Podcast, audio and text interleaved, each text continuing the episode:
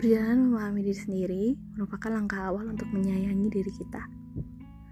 Menyadari, mengenal, menerima, hingga bermuara pada menyayangi diri sendiri. Lewat perjalanan ini, kita akan melihat sosok diri kita dari masa ke masa. Kecil, remaja, hingga kini beranjak dewasa, kita akan mengenal pikiran dan perasaan kita dalam berbagai pengalaman.